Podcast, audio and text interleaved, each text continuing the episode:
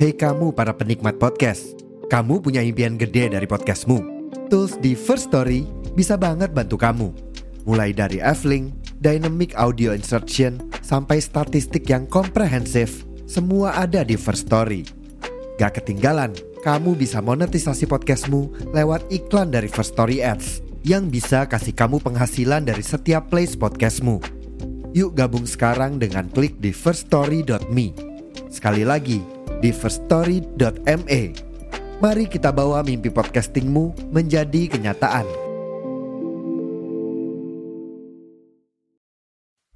Saat Pak Marjo menyentuh pundak sosok itu, tiba-tiba sosok itu mengangkat wajahnya. Dan ternyata wajahnya bolong. Yang seharusnya untuk tempat mata, hidung dan mulut, itu benar-benar bolong. Tak ada apa pun sama sekali. Senter Pak Marjo menyorot wajah sosok itu. Jadi benar-benar jelas Pak Marjo melihat bagian dalam dari kepala sosok itu yang kosong tanpa ada apa pun. Yu prokonco Podo rumono Aku duwe carito Mrono mrene Ono mati Halo teman-teman semua, rasanya lama banget ya aku nggak berbagi cerita di channel dan di podcast ini. Itu semua karena dari dua minggu yang lalu, aku tuh mengalami sedikit kendala ya. Itu HP yang biasa buat syuting, yang biasa buat rekaman itu rusak. Jadi ya terpaksa lah aku harus ganti HP, pakai HP yang lama nggak dipakai gitu. Padahal pakai HP yang rusak itu aku udah terbiasa banget ya, mengingat kondisi aku yang penyandang disabilitas tunanetra dan syuting itu kan visual ya, gambar membutuhkan penglihatan yang baik gitu kan. Dan aku syutingnya tuh secara mandiri, jadi harus terbiasa banget sama HP-nya, harus apa ya, bener-bener tahu lah posisi HP-nya ini gambarku lurus apa enggak gitu. Jangan-jangan wah yang kelihatan cuma jidatnya doang nih, apa cuma hidungnya doang nih gitu kan. Dan sekarang aku sebenarnya kurang percaya diri sih, entah gambarku lurus apa enggak ya itu sebenarnya aku kurang percaya diri dan kalau ada kekurangan di video ini ya dan lebih banyak kekurangannya di video ini aku minta maaf banget karena ya itu tadi ya aku belum terbiasa sama HP-nya gitu oke nggak apa-apa yang penting di kesempatan kali ini aku bisa menyapa teman-teman semua dan harapan aku semoga teman-teman dalam keadaan baik dalam keadaan sehat dan selalu bahagia. Di video yang sebelumnya aku udah berbagi sebuah cerita horor yang dialami sama bapak.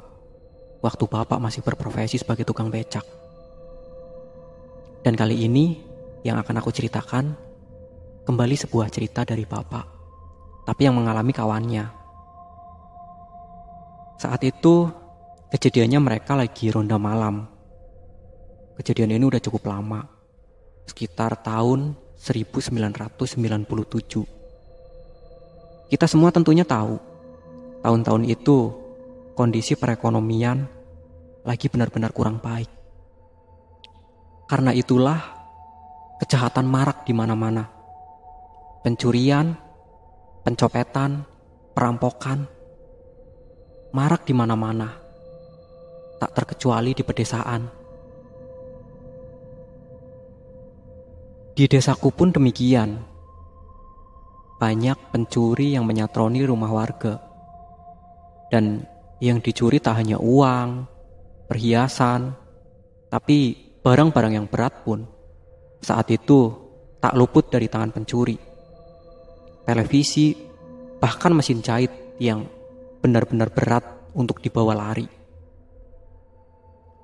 Karena kondisi desa benar-benar tak aman, perangkat desa setempat membuat inisiatif untuk mengadakan ronda malam yang dijadwalkan kepada setiap lelaki dewasa yang ada di desaku. Setiap malamnya ada empat lelaki dewasa yang ronda. Kebetulan malam itu bapak dan ketiga orang kawannya yang mendapat jadwal ronda malam. Ketiga orang kawan bapak bernama Pak Wasito, Pak Sartono, dan Pak Marjo. Mereka akan bergantian, keliling dua orang dua orang. Apabila dua sedang berkeliling, maka dua yang yang lainnya menjaga pos kampling.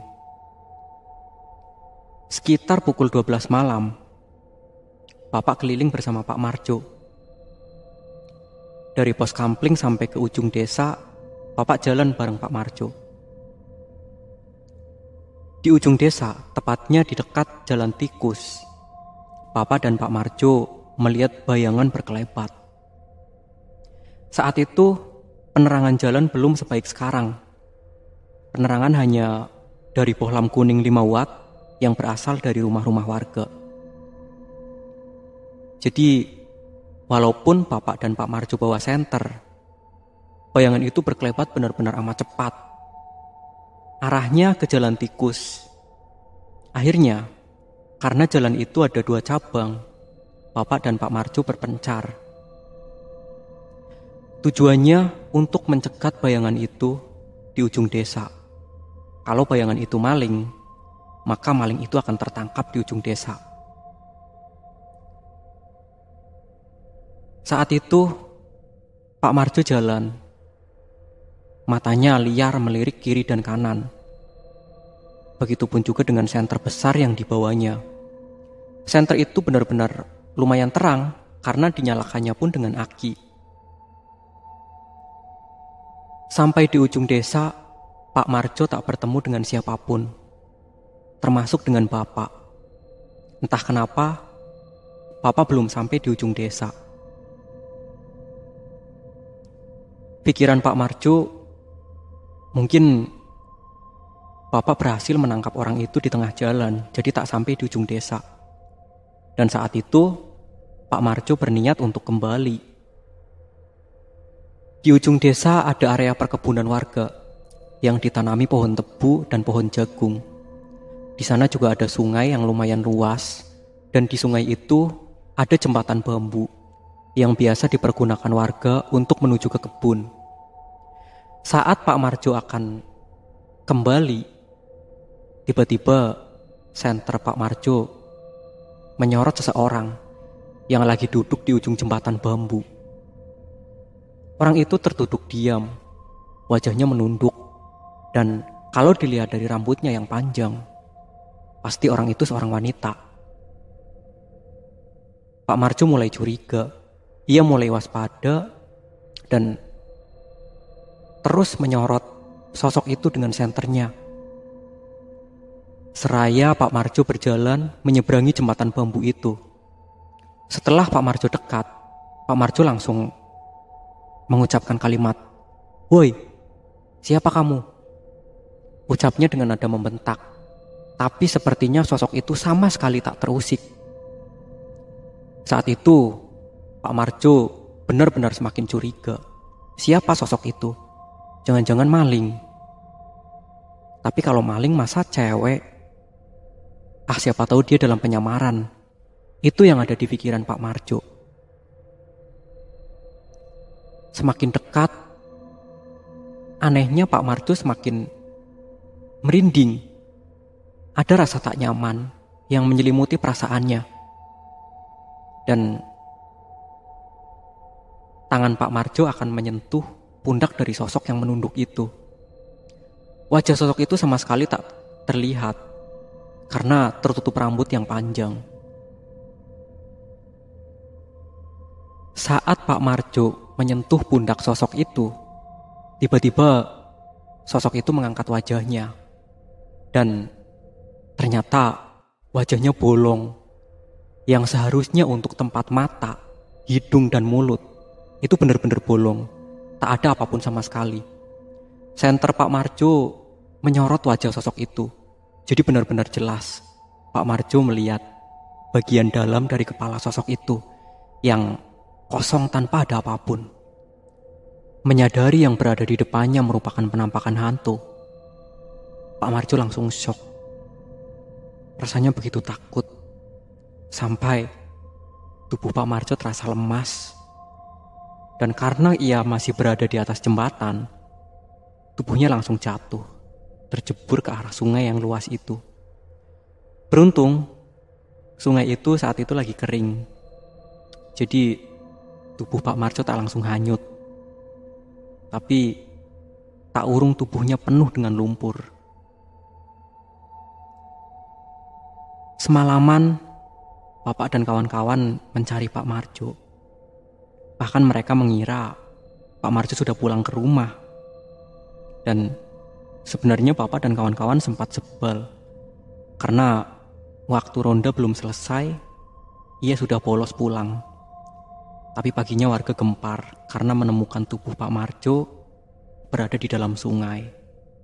Pertama kali yang menemukan tubuh Pak Marjo yaitu seorang petani yang lagi mau ke sawah. Dan beruntung ternyata Pak Marjo hanya pingsan biasa. Tak lama kemudian ia sadar di rumahnya. Awalnya ia masih sangat shock, tapi sekitar beberapa jam kemudian ia sudah bisa bercerita tentang apa yang dialaminya.